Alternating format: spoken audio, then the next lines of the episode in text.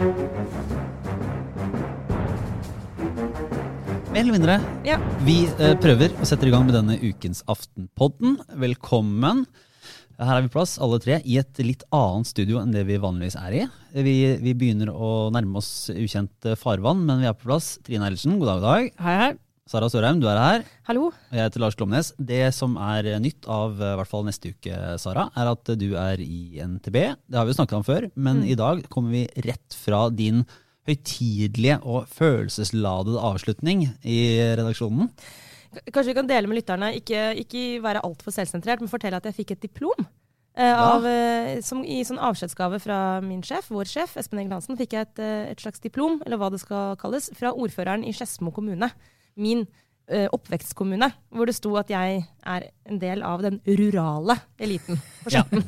For i Skjetten så har det vært litt uh, fornærma over at du har eh, stadig omtalt deg som Oslo-elite, eller at du har blitt stempla som Oslo-elite utenfra. Uh, så nå er det på tide å ta tilbake den eh, rurale Skjetten-eliten. Nå omfavner min fortid eh, på Skjetten. Så tusen takk til eh, min, får jeg si da, ordfører på Skjetten. Og så eh, skal jeg prøve å konsentrere meg. Det eh, er ganske trist å slutte jobber, eh, fordi folk er så fine. Så nå er jeg litt rørt faktisk, og litt sånn eh, emo. Men, eh, men det kan jeg fort sikkert bli kvitt når vi begynner å snakke om denne ukas saker. Ja, for det er Ja. ikke få, og vi kan jo berolige de fleste med at du blir med som, som fast gjest i Aftenpodden osv. Vi kommer bare til å understreke veldig at du er her på vår nåde.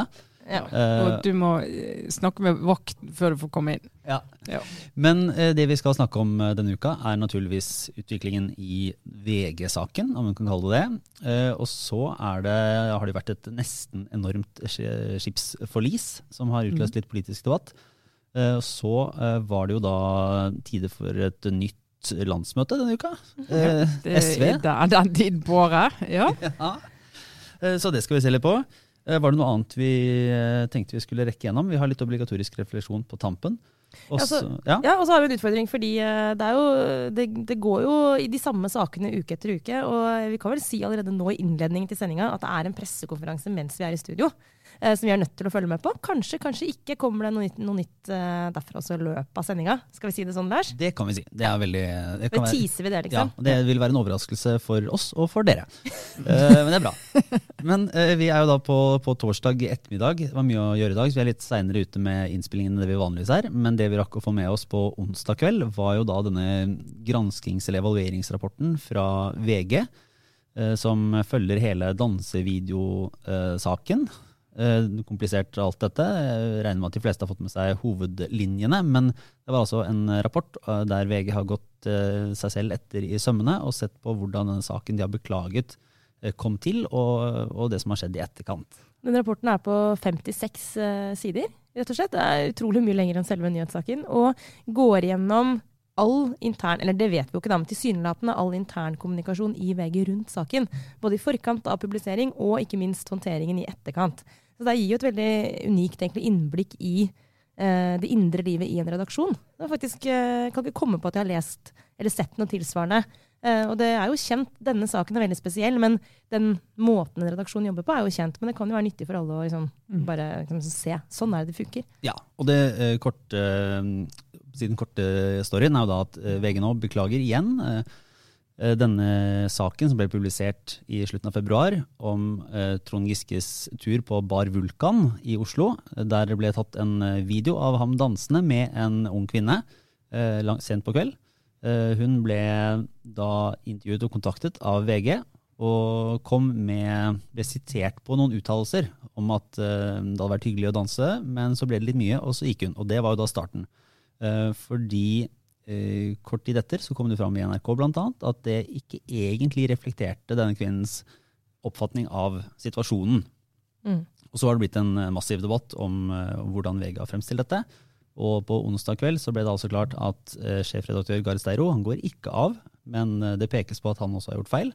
Eh, mens da journalisten som skrev saken, eller i hvert fall var i kontakt med denne unge kvinnen, 27-åringen, eh, han tar nå en permisjon på seks måneder, og så skal man finne ut hva han skal gjøre videre i VG. Mm.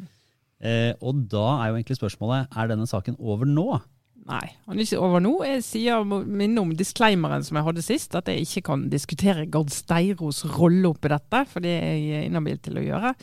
Um, men det er jo særlig, det er jo i hvert fall ett spørsmål som blir diskutert i dag, og som kommer til å bli diskutert et par uker hvis ikke VG sier et eller annet om det. Og det er jo det at de publiserer, uh, viser frem upublisert materiale. Notater fra kildesamtale, bakgrunnssamtale. Og det er jo altså Vanligvis i pressen så er jo det absolutt ikke tema å gjøre. Altså det er Selv om politiet kommer på døren og sier vi vil ha notatene dine fra det kildemøtet, så kan redaktøren nekte mm. å gjøre det. Uh, fordi at det kildevernet er så hellig. Uh, så liksom hva bakgrunnen for at VG nå publiserer all kontakt, uh, tilsynelatende i hvert fall, og notatene i hvert fall for Skavøy sin kontakt med med denne kilden, eh, og i hva grad det er i forståelse med henne, og hvordan det nå ser ut for henne, og hvordan det vurderes, det er jo mange som er interessert i å få vite mer om.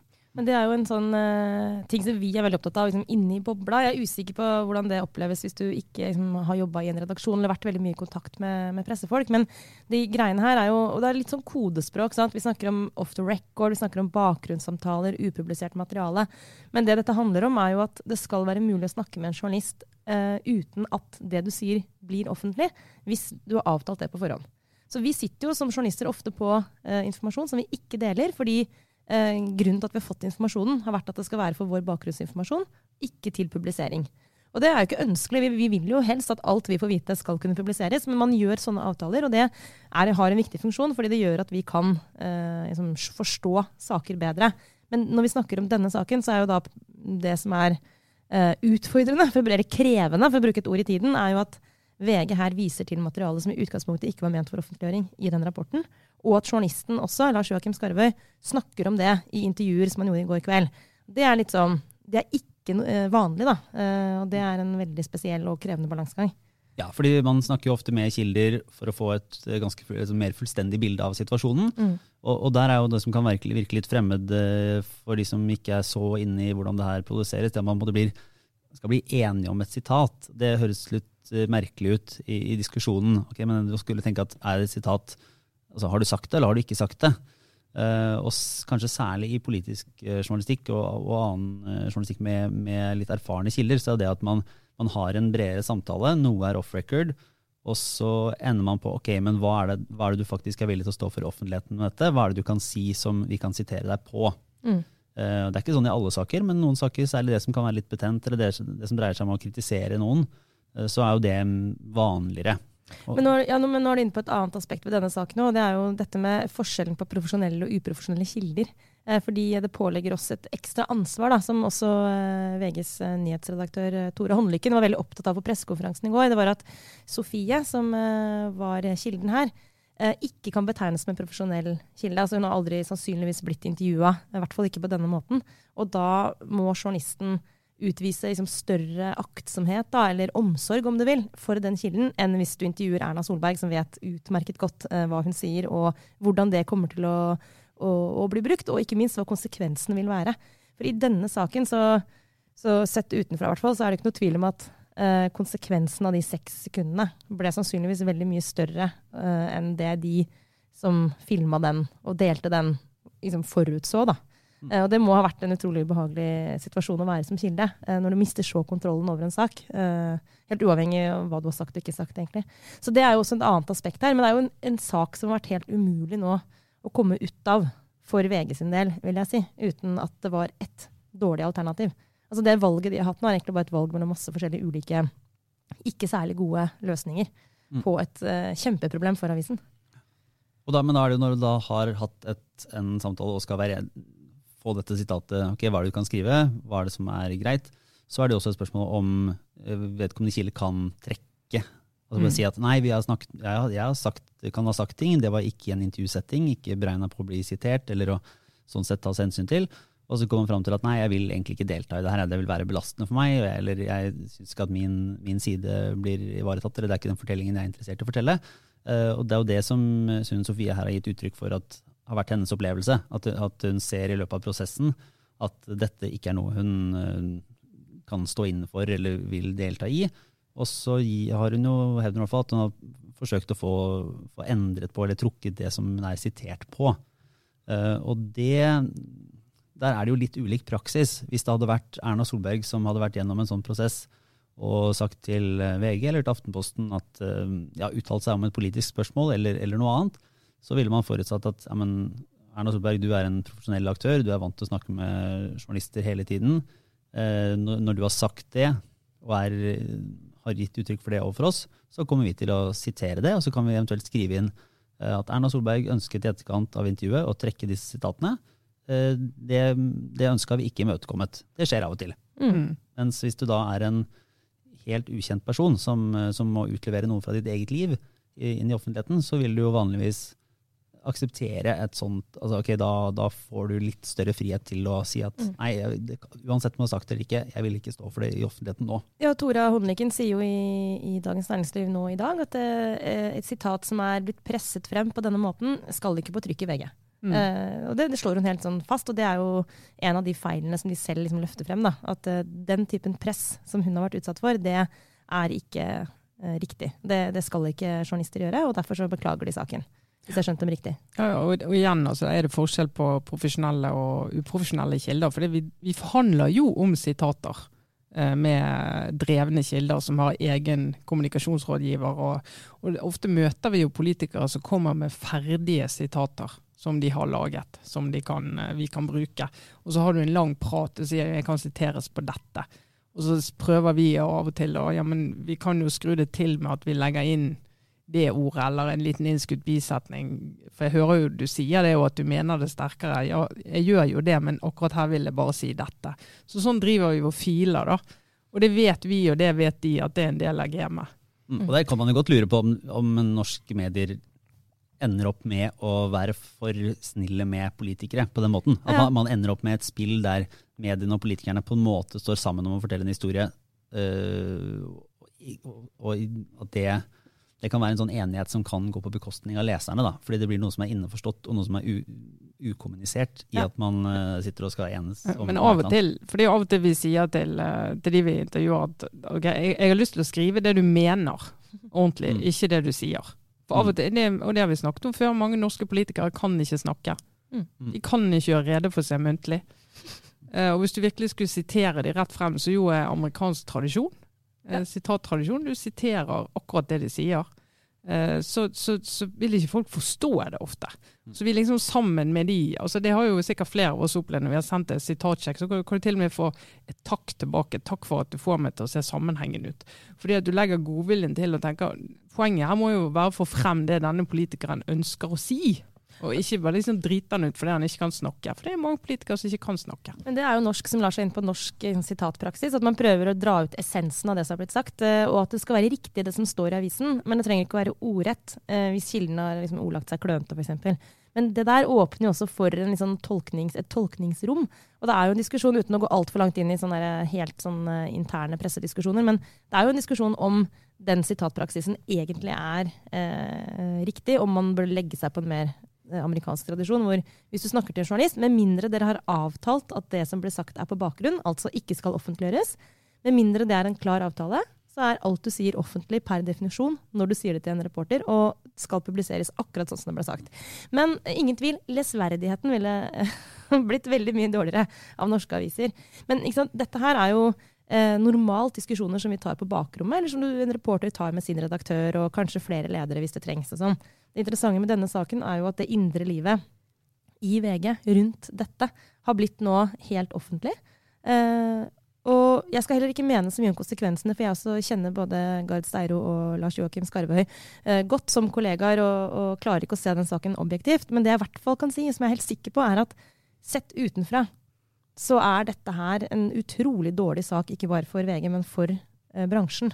Eh, det er en kjip sak eh, fordi det viser seg jo at den etiske standarden overfor kilden har vært for dårlig, og da kan man jo lett mistenke at det eh, gjelder i andre saker, ikke sant? uten at vi vet noe om det. Det er blir krevende å liksom, gjenopprette den tilliten. Da. Og så er det jo det vanskelig når man skal dekke dette journalistisk, og se, se hvordan det så ut på, på onsdag kveld da ledelsen satt i kjelleren i vårt eget uh, hus her og hadde pressekonferanse og hadde på en måte en sånn her gjorde vi feil, her gjorde vi feil. La seg ganske flate, mens journalisten da, Lars Joakim Skarve var i tiende etasje i samme bygg. Og egentlig gikk måte i rette med denne Sofies sitater og sa at hun har endret mening og har sagt andre ting tidligere. Og da er det jo vanskelig å tolke akkurat hvor VG står uh, i den saken her nå. og Det gjør vel kanskje eh, at det i hvert fall stilles flere oppfølgingsspørsmål enn hvis de hadde vært mer samkjørte i, i sin, sin uh, kommunikasjon utad. Ja, og en av grunnene til at svaret på det spørsmålet du stilte, er denne saken over, at det blir nei. Det er fordi at det er fortsatt masse ubesvarte spørsmål eh, etter den seansen i går kveld. En annen, bare helt til slutt, litt sånn Uh, ja, en ting som ikke tar seg så godt ut også, er jo at VG ganske forståelig nå de siste dagene, under det presset som redaksjonen har vært, har valgt å ikke besvare henvendelser fra pressen. Og har sagt at vi, kommer, vi vil ikke uttale oss, eller krevd å få svare på e-post, ikke tatt telefonen. Altså bare stengt døra og sagt vi slipper noe hvit røyk ut av vinduene liksom, når vi har tenkt ferdig, og fram til da så holder vi kjeft. Det forstår jeg veldig godt. Men det er jo noe vi i vår bransje ikke aksepterer fra andre kilder. Da. Så VG har, vel, de har snekret seg en ganske stor og fin dør som de kommer til å møte seg selv i. Ja. Uh, mer enn, Men det, det, er jo bare, helt på slutten så er det jo uh, det er jo da altså Scoop-konferansen i Tønsberg denne helgen. Det er jo den store møteplassen for gravejournalister fra hele landet. Uh, jeg skulle egentlig ikke nedover, for jeg fikk ikke plass. Og så fikk jeg det likevel i går. Jeg må si, jeg gleder meg som et barn. Det er mange som mener at det er et, eh, det er litt sånn fælt sted å være fordi det finnes bare selvopptatte journalister som ja, eh, skryter av seg selv og forteller om hvor, eh, hvor, flinke de har vært og hvilke saker de har og, og konkurrerer med hverandre. Jeg bare, det, jeg, åh, det blir så interessant å gå rundt der. Um, igjen fordi at det er sinnssykt mange gode saker som har vært publisert i løpet av siste året. Altså norsk journalistikk, men jeg har vel knapt nok noen gang vært bedre. Det sier du helt objektivt, eh, Lars. Ja, ja, ja. Det, det, er faktaboks, det. Norsk journalistikk har aldri vært bedre. Altså Den gode journalistikken har aldri vært bedre. Så det kommer til å være, være helt eh, spesielt, og veldig interessant da, å snakke med gode kollegaer og analysere dette. fordi vi er jo åpenbart mer interessert i de indre anliggende enn de fleste her. Fordi vi, vi mange har stått i situasjoner som den som har vært i VG, på ulike nivåer, der man må ta valg, eh, forholde seg til kilder, gjøre mange av de prosessene som er kjempevanskelig der og da. og som kan se idiotisk ut i etterkant, og det gjør, gjør, det jo vanskelig. Og så blir det jo veldig spennende å se om eh, VG, som jo er en av favorittene til å vinne den store SKUP-prisen, som er virkelig høythengende, med denne Tolga-saken, som, mm. som, er et, et, eksempel på veldig solid journalistikk. Og hvis det skjer, så antar jeg at den festen på lørdag kommer til å bli helt ellevill. Det kommer til å være utløp for så mye i, blant de journalistene i VG som har stått nå med ryggen mot veggen i ukevis, at uh, det også blir et, et, en opplevelse å, å, være i nærheten av. Så kan jeg berolige alle andre om at uh, denne selvdiggende, selvnytende andedamsveltingen som foregår på Skup, skjer liksom inne på et hotell i Tønsberg. og det er egentlig litt sånn altså Alle de selvopptatte menneskene vil også være sammen med de andre selvopptatte menneskene. Så de involverer seg ikke med lokalbefolkningen og plager egentlig ikke resten av byen. De går ikke ut engang, for de drikker seg fulle på hotellet. Og nachspielet er på hotellrommet. Så det er veldig veldig bra for denne bransjen nå at vi får en sånn helg for å bare tømme oss for hverandres uh, selvopptatthet. Hvis noen trodde vi var, drev med samrøre og var altså Det er så mye samrøre på det der konferansehotellet, men det er bra for resten av verden. For da er det en sånn en helg, og så har jeg ikke noe Det går ikke over, men da får jeg i hvert fall liksom For en pause. Resten av Norge. Resten av verden ja. får en liten pause. Så det kan dere se fram til. Ja. Eh, det er nå så. Eh, skal vi ha en kjapp runde på denne Det ble jo en, en debatt vi går gradvis over i eh, SV-land. For mm. SV har jo vært blant de som har kommet ut med en liten sånn en kjapp liten skattedebatt i etterkant av denne cruiseskip-manøveren. Jeg blander ja, ok, Nå får jeg ta den eh, vest, si, østlandsgreia. da. Om det er, Jeg blander Hustadvika og Kjuttaviga. Ja, det, det, du, helt klart uh, ikke Kjuttaviga. Ja. Da er vi på Sørlandet, Lars. Men du kommer jo tross alt fra skikkelig Innlandet. Du er fra Bø i Telemark. Ja. Men, så jeg vet ikke, jeg forventer ikke at du vet forskjell på Hustadvika og Kjuttaviga og Ladeviken og gården og alt det der. Jeg bare brenner etter å si at jeg vet hvor Hustadvika er, og har vært der og har seilt over Hustadvika i, i, storm, eller vært på en båt eller et skip. da. Frisk bris ble vi enige om. Ja. ja. det var i hvert fall sjukt mye bølger. Og jeg sto i baren, eh, ikke så overraskende, eh, på den ikke, Det heter ikke båt når det er så stort, det heter skip, har jeg lært. Mm. Sammen med Lill Lindfors.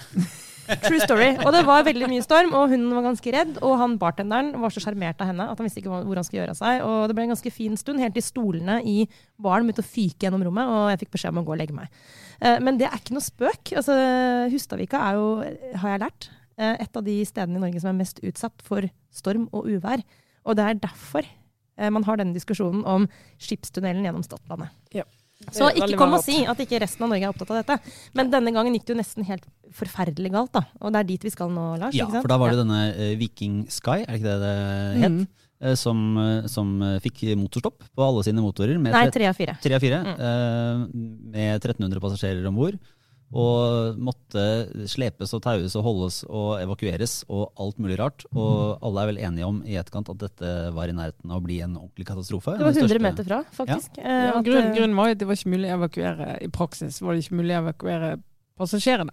Du kunne hente ut noen med helikopter, men eh, så var det Du kunne ikke sette livbåtene på Nei, vannet. ikke sant. Og eh, dette er da tragisk nok, men eh, for eh, SV og andre så er det ekstra provoserende at eh, eieren av dette skipet, Torstein Hagen. ja, eh, for øvrig kjent fra denne kontroversen om båtdåpen i Bergen. Da var det- Viking Star, som eh, tidligere ordfører i Bergen Trude Drevland fikk æren av å døpe. Og hvis noen husker alt det førte med seg, bl.a. en tur til Venezia og sånn, så der var det mye greier. Så Torstein Hagen, han, eh, han har vært i bildet før. Ja, og han er eh, ifølge Kapital Norges nest rikeste mann, men betalte vel noe sånt som 60 000 i personlig skatt til Norge i fjor. Ja, og, han bor i Sveits. ja, og da eh, er det ikke bare populært at han eh, på en måte pådrar Norge da, eh, en eh, stor utgift med denne redningsaksjonen, og, og, og hyller fellesskapet for å ha redda både mannskap og passasjerer, men mens han ikke betaler for det. Altså jeg må bare si at eh, Når du ser de der, altså den, når du bare den, får høre om den redningsoperasjonen Det var jo disse helikopterpilotene og det mannskapet som drar ut i et isstorm, Og det var helt på grensa til hva et helikopter kan tåle, så, øh, de forholdene der. Uh, så må jeg bare si at jeg blir liksom, på ekte veldig rørt og uh, imponert. Og tenker liksom at det er helt sånn, det er noe av det fineste liksom, kollektivet kan eh, vise frem. De, um, den typen redningsaksjoner. Og det er også veldig flott når de sier sånn I Norge koster det ikke penger uh, å få livet sitt reddet. Det, vi sender ikke faktura når vi redder liv. Eh, Det gjør vi bare fordi det er jobben vår, og det går jo selvfølgelig på fellesskapets regning. Eh, Og det er jo veldig bra. Men det er klart at det, um Men nå må vi ha en liten, eh, liten sånn eh, undersøkelse i gruppa. Hvor provoserende er det at en uh, Sveits-bosatt uh, mangemilliardær uh, får redning på, på fellesskapets regning? Skal jeg svare med magefølelsesstyrt nå, som vanlig? Ja, eller? Ja. Uh, utrolig provoserende. Mm. Ja. Nei, men, altså, jeg er jo enig i jeg ser at det er provoserende, og jeg også kjenner på at det er provoserende. Uh, og det er fordi at jeg er jo imot skatteflukt. Jeg ønsker jo at flest mulig skal være i Norge og betale skatt for det de tjener penger på. Uh, og så er det jo også sånn at skattesystemet er skrudd sånn sammen at uh, hvis du tjener penger på ting som er lette å flytte, f.eks. skip, så syns du skatten er for høy i ett land, så flytter du til et annet. Det finnes ingen redere som ikke gjør det. Sånn er det bare. Og det er en del av motoren i denne skattekonkurransen rundt i verden, og gjør at rederier betaler nesten ingen skatt noe sted. Fordi at de bare sier nei, hvis jeg betaler skatt, da tar jeg med meg eh, skipene mine og drar. Mens hvis du har et hydroaluminium, eller hvis du driver eiendom, eller hvis du driver gård, eller hvis du driver hva det er, skipssted, eh, så kan du ikke bare flytte butikken ut. Så da er du liksom tvunget til å betale den skatten i det landet. Og dermed så alle de som ikke har disse flyttbare objektene, vi betaler jo mye mer skatt enn de som, de som har det. Eller, eller som bare er på internett, eh, og ikke er fysisk. Ja, Hvis de er på internett. Ja. Men eh, er det noen, er det, går det an, hva går det an å gjøre med dette, egentlig? Det er ganske vanskelig å gjøre noe med det. Så SV og noen de har foreslått at du skal sende en regning for den redningsaksjonen til, eh, til Torstein Hagen, eller rederiet hans må det være, da. Fordi han er så rik. eh, Og, det, og jeg, jeg skjønner jo hvorfor de har lyst til det, og tenker ok, du, du, du personlig bidrar ikke eh, til fellesskapet, og det gjør han jo ikke. sant? Eh, Men det er jo det prinsipielle i det. Og når du skal gå opp den, hvem er, så, hvem er rik nok til at du ikke skal få betalt en redningsaksjon? Er Og hvordan behovs- skal du sitte over det? Skal du ha behovsredningsaksjon? I noen land så er det jo sånn, har du råd til å betale for å bli plukket opp av gaten når du er kjørt ned av en bil? Liksom Første spørsmål, har du råd til at du faktisk skal på den legevakten? Nei, hvis ikke du har det, så har du et problem. Men eh, da, ja, vi får egentlig fortsette inn i, eh, i det neste landsmøtet. Fordi eh, SV skal møtes eh, i skyggen av alt annet, sånn som de fleste andre landsmøter denne våren. Det har, det har bare gått unna. Det skjønner, Dere må gjerne ha landsmøte. Vi er på skup, så Ja, ja, ha det bra. Men noen skal jo dit isteden. Ja, det gratulerer skal med de, det. og skal følge. Og eh, SV har jo da sneket seg oppover på målingene nå over eh, noen år. Etablert seg ganske så høyt og fint, og stemningen er god. Og de nå skal de ha en nestlederkamp som eh, vel er så pasifistisk at det nesten eh, Det vi kaller en tro. nestlederkonkurranse. Ja. Vi ikke kalle det en kamp engang. Nei, nei, det er, sånn, det, er, det, er større, det er større fiendskap i, sånne, i talentshow på TV, altså i sånn stjernekamp, enn det det er i, tilsynelatende er i SV om dagen. Hvordan skal det jo, avgjøre det? når de skiftet leder sist òg, var jo en sånn ultraharmonisk historie. Du var tre stykker som stilte, og så bare skled det liksom inn. Og så ble det Audun Lysbakken, og ingen var sur, og alle venner, og ikke noe bitter, ingen baksnakking, ingenting. Men her er jo SV rett og slett sånn som SV altså de, Her er det liv og lære. Altså, de lever opp til liksom, sitt omdømme som snille og kollektivt anlagte og del godene. Eh, selv om det er jo en helt reell eh, kamp altså, om dette nestledervervet. fordi altså, det er jo fortsatt u uklart hvem det blir. Ja, Så det, det, kommer til å bli avgjort på landsmøtet. det er uh, ganske jevnt. Uh, et, et, Kan ikke si hvem det står mellom. Jo, det skal stå mellom uh, Kari, Kari Elisabeth Kaski, som nå er stortingsrepresentant fra, fra Oslo, men hun er jo ikke fra Oslo. Eh, og så er det da Torgeir Knag Fylkesnes, som er stortingsrepresentant fra Troms. Og så skarrer Bæren. Og Jeg Ja. det er fordi han har en mor fra Bergen. Ja. Hun har jeg sittet rett bortenfor på en eh, 70-årsdag. Nettopp, ja. Så vet du det. Og uh, de er jo da og det, Begge er populære i partiet. Uh, de har, Begge er flinke. begge er flinke. Mm. Regnes som, eh, som solide. Eh, den, det som ses som et skille, er at, eh, at Kaski ser mer ut som en, en, en grønnere med sånn miljø, eh, har miljøprofil, bakgrunn i miljøbevegelsen, mens Torgeir Knag Fylkesnes eh, ses som mer en sånn næringspolitikk. eh, Noen mann, distrikt og næring. Ja. Og hans argument eh, er vel at eh, ja, men klima, der vi er etablert som et grønt parti, fordeling og klima, det kan vi. Alle vet at SV kan det, men nå må vi vise at vi kan, kan det andre òg. Ja, og så, mener, og så er det jo en, en tanke om at næringspolitikken er det som skal eh, knytte sammen eh, klima- og miljøpolitikken og fordelingspolitikken de vil ha. Da. Altså, de, må, de må ha noen virkemidler for å gjøre forskjellene mindre i Norge, og for å gjøre samfunnet grønnere. Mm. Og så er vel tanken at det skal være en ny form for næringspolitikk. Men samtidig er jo Kaski er ikke hun finans, Tar jeg feil nå? Er ikke hun finanspolitisk Jo, talsperson? Jo, så hun har jo liksom altså Hun kan penger, hun òg. Det er ikke Ja. som at hun liksom er en sånn grønn blomst som bare sitter og klapper på Nei, men på ingen måte. Hun kommer fra Zero, ikke det? Jo. Og så sitter jo begge jo begge deler. allerede i altså Begge er nestledere i stortingsgruppa, så de sitter i Altså, de sitter i, i praksis i ledelsen i partiet allerede. Så det har egentlig ikke noe å si altså, Eller for å stille det som et åpent spørsmål, har det noe å si for SVs politikk eh, hvem av dem det blir, egentlig? Eller er det mer en person, mer sånn personkjemi, hvem passer best sammen med Audun Lysbakken, hvem er det største ledertalentet på sikt? Altså, jeg har inntrykk av at det er litt mer det siste. Ja, og kanskje ikke så mye jeg, jeg, Nå skal ikke jeg framstå som, som allvitende på akkurat dette her, men det snakkes ikke som jeg har hørt om at det er en sånn personkjemi, at det egentlig er noen som ikke liker hverandre så mye heller.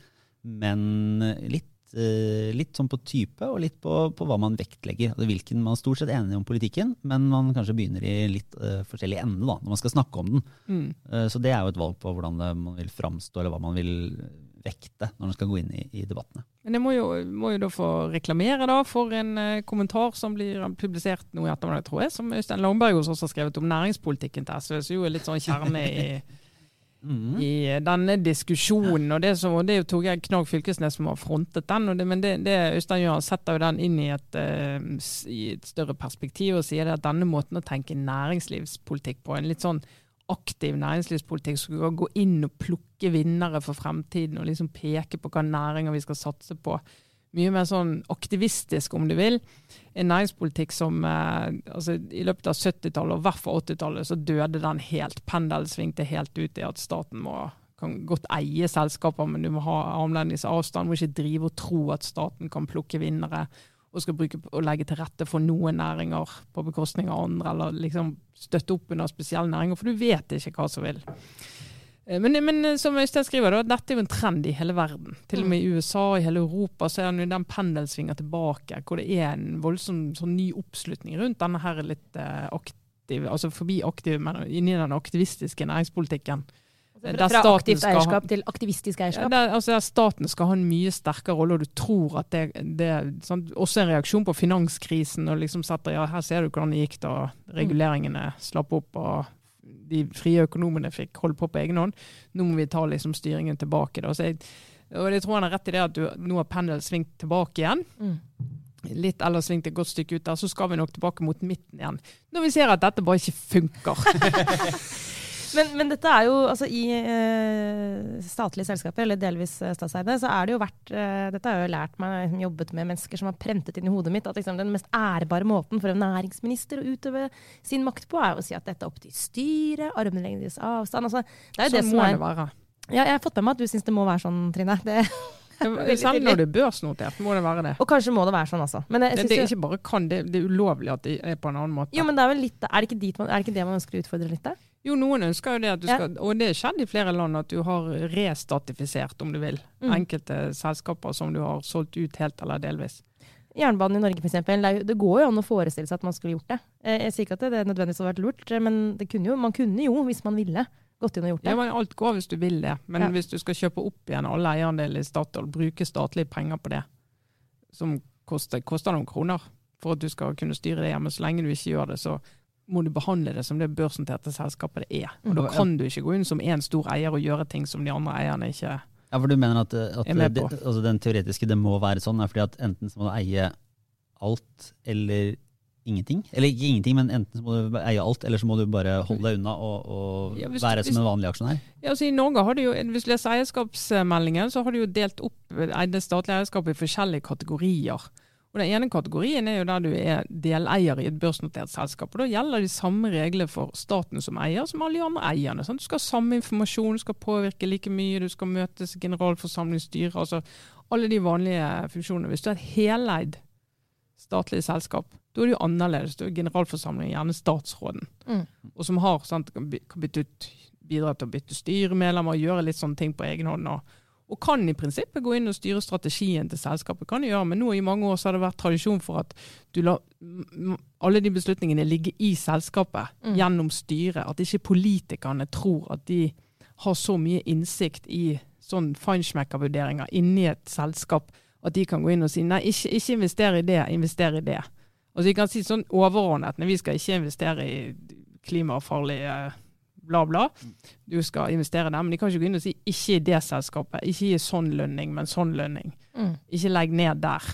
Vi vil ikke du skal legge ned der, fordi at da vil det lokalsamfunnet miste arbeidsplasser. Det gjorde vi jo på 70-tallet. Mm. Og det hjalp jo ingen bedrifter. Men den, den liksom, eller, å utfordre det prinsippet F.eks. Innovasjon Norge, som har vært eh, saker rundt, så er det, det er et eksempel på et hel, hel altså, altså, Det er eh, statlig eierskap 100% men hvor eh, også næringsministrene, som, uansett hvem det har vært, har vært tydelige på. Ikke sant? Styret må ta de fleste avgjørelser her. Vi utnevner styret, styret uh, styrer sjappa. Er det noen som helst grunn til å tro at den logikken vil bli liksom politisk utfordra? Altså, ting er nå at det er en diskusjon på SV-landsmøtet, men det prinsippet opplever jeg som så liksom, knesatt. At det er vanskelig å se for seg at det skal ha blitt noe flertall for å liksom, tenke nytt rundt det. I Arbeiderpartiet for eksempel, det er ikke noe Nei, ikke det, eh, bevegelse i den retningen, er det det? Nei, altså de, Jeg husker den rød-grønne regjeringen hadde en eierskapsmelding som er for, til forveksling lik Ja. eierskapsmeldingen til denne regjeringen. og Akkurat i samme kategorien, i samme mål med selskapene. Sånn, hoved, og den respekten for styret skal jo være stor. Mm. Du skal liksom ikke kjøre over et styre, da. Nå ser vi nærmer oss der er en eh, sånn toppnivå-nerding på, eh, i, i Aftenposten Det er bra, jeg liker det. Det er bare nerding var nerding. Dette er superrelevant informasjon for alle. Ja, men, for jeg tror vi, eh, vi går til litt obligatorisk refleksjon. Så får vi se om det kommer noe nytt på en pressekonferanse i løpet av den tiden. Men det, er jo, eh, det er jo litt av hvert å, å ta med seg inn i helgen også, selv om jeg stort sett kommer til å henge med andre journalister og diskutere rett og galt i ulike redaksjoner og publiseringsløp. Eh, Det er ikke noe mindre nerd til det. Eh, Men jeg kan egentlig begynne, fordi jeg kan anbefale en podkast som er Altså, den er verdt å høre, Men det koster litt. men det koster litt. Og det er jo da en dansk dokumentar. Nå har Min research var, merket jeg var litt eh, mangelfull, men det er altså et portrett av den eh, da kjente skuespilleren Gita Nørby. Er Hun er Le Grand Dame, eller hva det heter for noe. Altså, hun er den største kvinnelige danske skuespilleren Ja, i sin generasjon, og kanskje på mange generasjoner. Hun er liksom Alle vet hvem ja, Gita Nørby Hun er er. liksom Wenche Foss eller Lise Fjelstad eller en Altså, se for deg. Så, Lars, bare for å sette deg litt inn Ja, i kontekst her. Ja, for du har kanskje ikke Hadde kanskje ikke hørt om Gita Nørby Nei, nå, nei, jeg hadde kanskje ikke det. I likhet med mange andre, for nå har hun jo brutt liksom, gjennom lydmuren, da, kan du si. Ja, Også til fordi- sånne folk som deg. Ja, ja, fordi denne, dette, dette Det er jo egentlig en, radio, en radiodokumentar, da, et radioportrett. Det er en, eh, en eh, relativt, jeg vet, jeg vet ikke, men en relativt ung kvinnelig ja. radiojournalist skulle hadde, hadde en plan om å sitte i syv timer med opptakeren og snakke gjennom livet og kunsten da, til Nørby. Og det skjærer seg ganske fra start. Og det er altså eh, For hun lar opptakeren gå.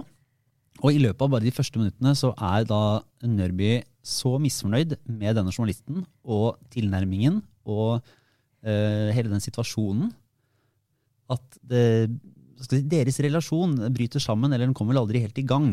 Og uh, hun skjeller altså ut den unge journalisten og karakteriserer henne på så ufin måte og snakker om hvor dum og amatørmessig og ubetenksom og ubehøvla og alt. Altså det, og det varer og varer, for denne journalisten har jo da tenkt at ja, man må jo bare holde ut og, og gå gjennom dette og, og prøve å komme inn i et faktisk intervju. Så det, å, men det, det gjør så vondt Det gjør så vondt. Jeg har også hørt det. og jeg, klar, jeg har ikke klart å høre hele ennå. For du blir jo helt forstyrret av å høre det, men samtidig blir du veldig trukket inn i det. For det er jo et sånn menneskelig drama eller konflikt eller det, som er helt ekte. Og Det hun fortsetter å si til den journalisten, så, så kommer han til å si ja, har du forberedt deg til dette, spør Gitta Nørby. Ja, i en måned. En måned, og dette er det du klarer å komme opp med.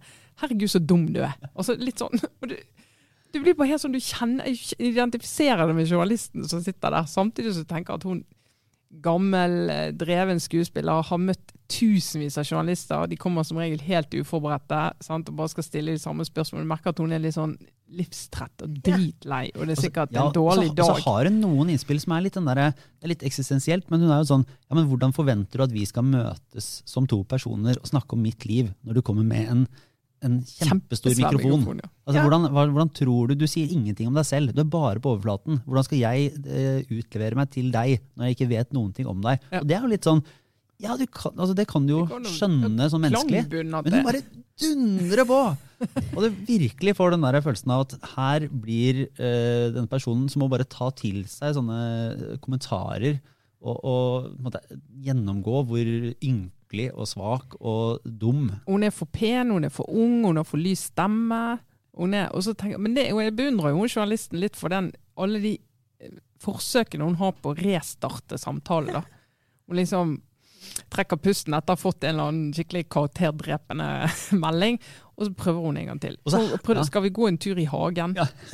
Men her er det jo da Oi, oi, oi. Her er det da, jeg, Nå vet jeg ikke helt hvordan dette utspilte seg, men, men her kjørte jo da radioprogrammet på med at dette var en del av opptaket. Apropos det å også skulle trekke sitater eller skulle Mm. eh, ha sin, sin eh, offentlige framstilling av seg selv. Her valgte de jo da Dette er en del av portrettet. Og det, det regnes som Her portretterer vi live, så å si, på å vise hvem denne personen er og kan være. Men det er en morsom kontrast til det vi starta med å snakke om liksom, kildebehandling og, og møte med en journalist. Her har du jo en kontrast, kan du si, til en ung, uerfaren kilde som blir pressa for langt. Her har du en En ung, uerfaren journalist som Ja. eh, får kjørt seg noe voldsomt.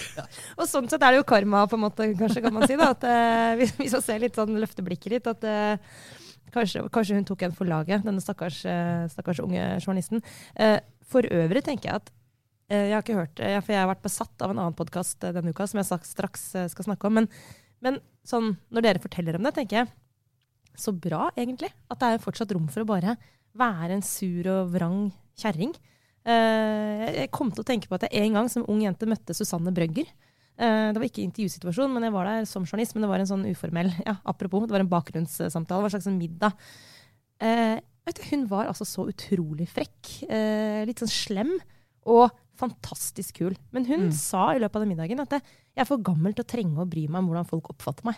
Ja. Og da tenkte jeg for en frihet, og særlig fra en kvinne. Altså hun var, hun var, Det er litt for mange gamle damer som kommer dit. ja, men, Det er bare et, la- er det- et langt, det er? Og menn, egentlig. ja, men det er et langt liv eh, med det- litt sånn undertrykkelse og kjipe Ja. andre menn som Ja, bare. Nei, bare drit deg i alt. Ja. Her Vet du hva? Det er et langt- langt liv med Hold-in-strømpebukser. Som til slutt bare for å utfolde seg. Og si at vet du hva, nå driter jeg i å holde inn magen. Egentlig, ja, men nå har jeg ikke hørt. Jeg må ta en liten lite forbehold om at hun er så jævlig at det, det nesten at jeg ikke mener det likevel. det er verdt å høre, altså. men heia at man kan være sinna hvis man har behov for det, da. egentlig. Men da kan du jo kjøre på med din anbefaling, Sara. Ja, Skal vi altså- kaste inn en nyhetsmelding imellom? For nå går jo Tor Mikkel Wara går av. Nei, skjedde det nå? Ja. Det var, dette var den eh, nevnte pressekonferansen. Altså, det er jo veldig irriterende at eh, nyheter skjer eh, etter at vi går i studio, men nå rekker vi også å få det med oss. Eh, Spørsmålet er, vi overrasket? Han måtte gå av. Det var jo ikke noe mulighet for han å ikke gjøre det. Altså, det som har skjedd akkurat nå, er at han har hatt en pressekonferanse, og grunnen til at det var i dag, er at han fikk to ukers permisjon forrige torsdag. Mm. Eh, torsdagen med stor T, eh, eller hva vi skal si for noe. Kommer til å bli stående som en eh, interessant nyhetsdag, den òg. Men da fikk han to ukers permisjon som, eh, fra stillingen som justisminister. Nå er de to ukene gått, så han måtte ta, eller Erna Solberg måtte ta en ny avgjørelse i dag. Den er nå tatt. Så kom det jo også fram at PST mistenker samboeren til Tor Mikkel Wara for da å stå bak alle disse uh, trusselsituasjonene eller hva man skal si, hendelsene som har vært en del av, av etterforskningen. Mm. Ja, og det betyr jo at uh, mistanken mot henne er styrket, er det ikke det det heter i sånn teknisk språk? Men, men eh, fortsatt bare mistanke, ikke siktelse for de andre sakene, ikke sant? Ja, Siktelse for den første og mistanke de andre. Ja, Så det betyr jo at det er jo fortsatt et stykke til tiltale her. altså Det er jo fortsatt et åpent spørsmål om hun faktisk har gjort det. Altså det, Vi vet ikke det, vi vet bare at mistanken mot henne er styrket. Eh, er det det han begrunner sin avgang med? Er det noe som har, har det kommet ut noe om det? Eller er, bare har sånn, han sagt er en foreløpig? podkast som later som det er en livesending. Jeg, jeg tror jeg, Dette kommer folk til å høre når alt er klart, eh, Sara. ja. Vi bare slår fast at han går av. ja. Så hvis det kommer frem hvem som kommer istedenfor, så får vi jo ta det med. ja. Og han, eh, var, han hadde vel egentlig ikke da noe særlig valg, eh, Trine? Sånn du ser det, eller?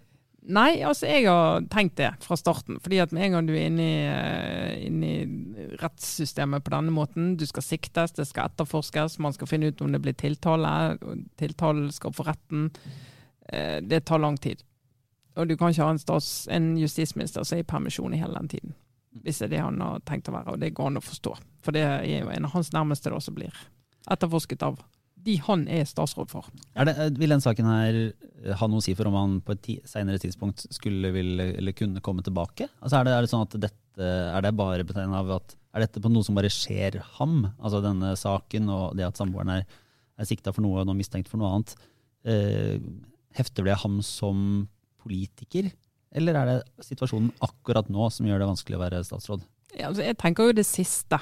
At fall med det vi vet, at det ikke hefter ved han. og at han altså Jeg vet ikke om jeg husker på midten av 90-tallet, da alle statsrådene i Jagland-regjeringen drev og gikk av. Eh, Blant andre Grete Faremo måtte gå. Hun kom jo tilbake igjen som statsråd senere. så det kommer litt an på, altså Han kan jo komme tilbake som statsråd i en annen post, eh, men det spørs jo om han, om han ønsker det. da. Det er også et spørsmål om liksom, hvordan han har håndtert saken. Det er jo veldig ofte det. Altså, det er ikke selve saken, det er liksom håndteringen som ofte feller eh, ledere. Eh, her er det ikke noe som tyder på at han har vært involvert. Altså, han tok permisjon sannsynligvis samme dag som han fikk vite eh, om denne saken, og har ikke vært involvert eh, siden, får vi tro. Eh, så sånn sett så har jo ikke han eh, i rollen, så vidt vi vet nå, liksom gjort noe galt. Og dermed så, så er det lettere for han å eventuelt skulle komme tilbake som politiker. For det hefter ikke ved han i rollen som politiker, men det er en sak som hefter ved han fordi det er i hans privatliv, og det blir umulig for han å fortsette pga. det. Men han har jo ikke gjort, han har ikke gjort, en personlig feil, eh, sånn som saken i hvert fall er kjent frem til nå. Da. Men han gikk jo f.eks. hardt ut mot dette teaterstykket. Eh, tok part i det som, det som ble sett på som foranledningene mot, som for truslene og hendelsene ved hjemmet hans. Eh, Ja, men hvis, hvis, hvis det er nok til at han ikke kan fortsette jobben, så må jo statsministeren også gå av. liksom. Altså, det var han jo ikke alene om. jo, men du, man kunne vel stille spørsmålet Han satt jo da hjemme med den som nå ifølge PST har gjort dette. da. Så han Mm. var jo nærmere på både som, som part i den saken og som, som nå eh, pårørende til Ja. den som er sikta. Mm. Men, er, Men det er ingen grunn til å tro at han satt på noe informasjon på det tidspunktet som gjorde at han visste det. sant? Ja. I hvert fall så er det i hvert fall det som er kjent i offentligheten, og det må vi forholde oss til, det er jo at han var helt ukjent med, eh, med den mistanken mot hans egen samboer. Så det går ikke an å holde det mot han da, i det han har sagt, man må bare legge til grunn at han var like lite informert om det som alle andre. Hvor rart det enn er, så er det jo ingenting foreløpig som tyder på noe annet. Ja, ja, det, det, det er mulig. Vi får se hvem som blir eh, ny justisminister. da. Har vi noen Foreløpig skal Jon Georg Dale fortsette Ja. som vik vikarstatsråd. Men eh, det tilbake til eh, den løsere delen av eh, dette her. Eh, hva Ja, for dette var jo ikke løst i det hele tatt.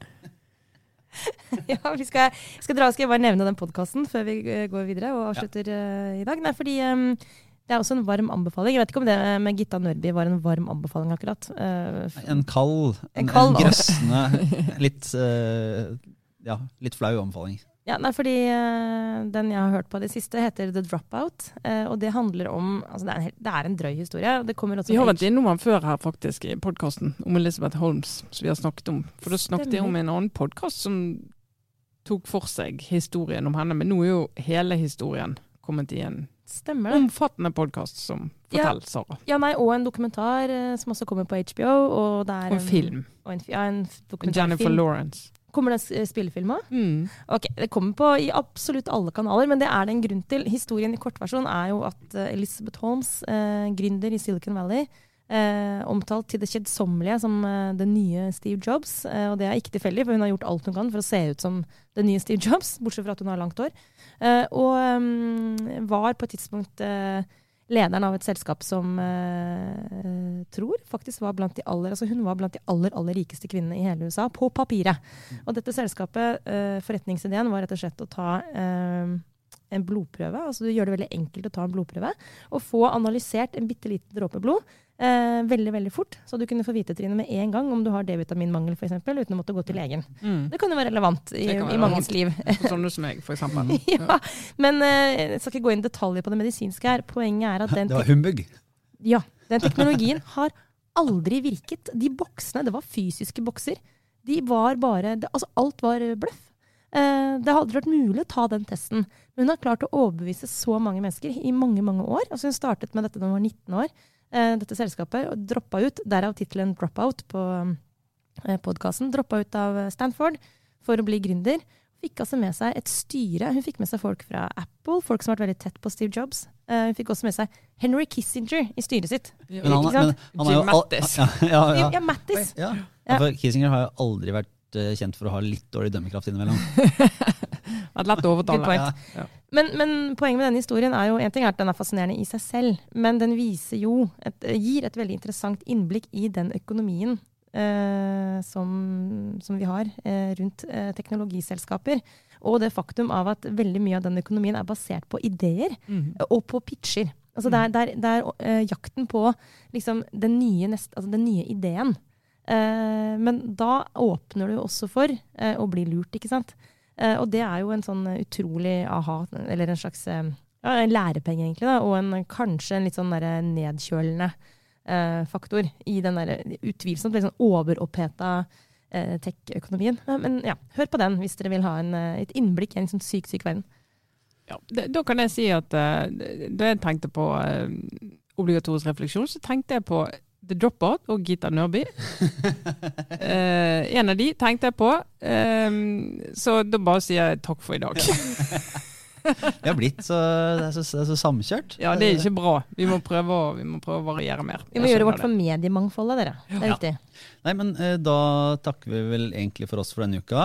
Og så er du tilbake neste uke som gjest, Sara. Uff, ja. På, du, for da begynner du i NTB, ikke sant? Ja, eller jeg begynner så vidt. Jeg skal bruke en måned på å lære meg huset å kjenne og snakke med mine nye kollegaer. Og så eh, opp på hesten fra 1. mai på ekte, da. Men jeg, jeg er liksom offisielt NTB-ansatt fra mandag av. Så da kan dere passe dere. Da kommer jeg tilbake med en helt annen autoritet. Eh, med veldig en helt annen Litt mer nøytral, tar jeg for gitt. Ja, ja helt nøytral. ja, det får vi se på. Nei, men uansett, dere får ha en god helg, alle som lytter på. Det skal vi ha. Takk for nå. Trine Eilertsen, Sara Sørheim, jeg er Lars Glomnes. Ha det bra.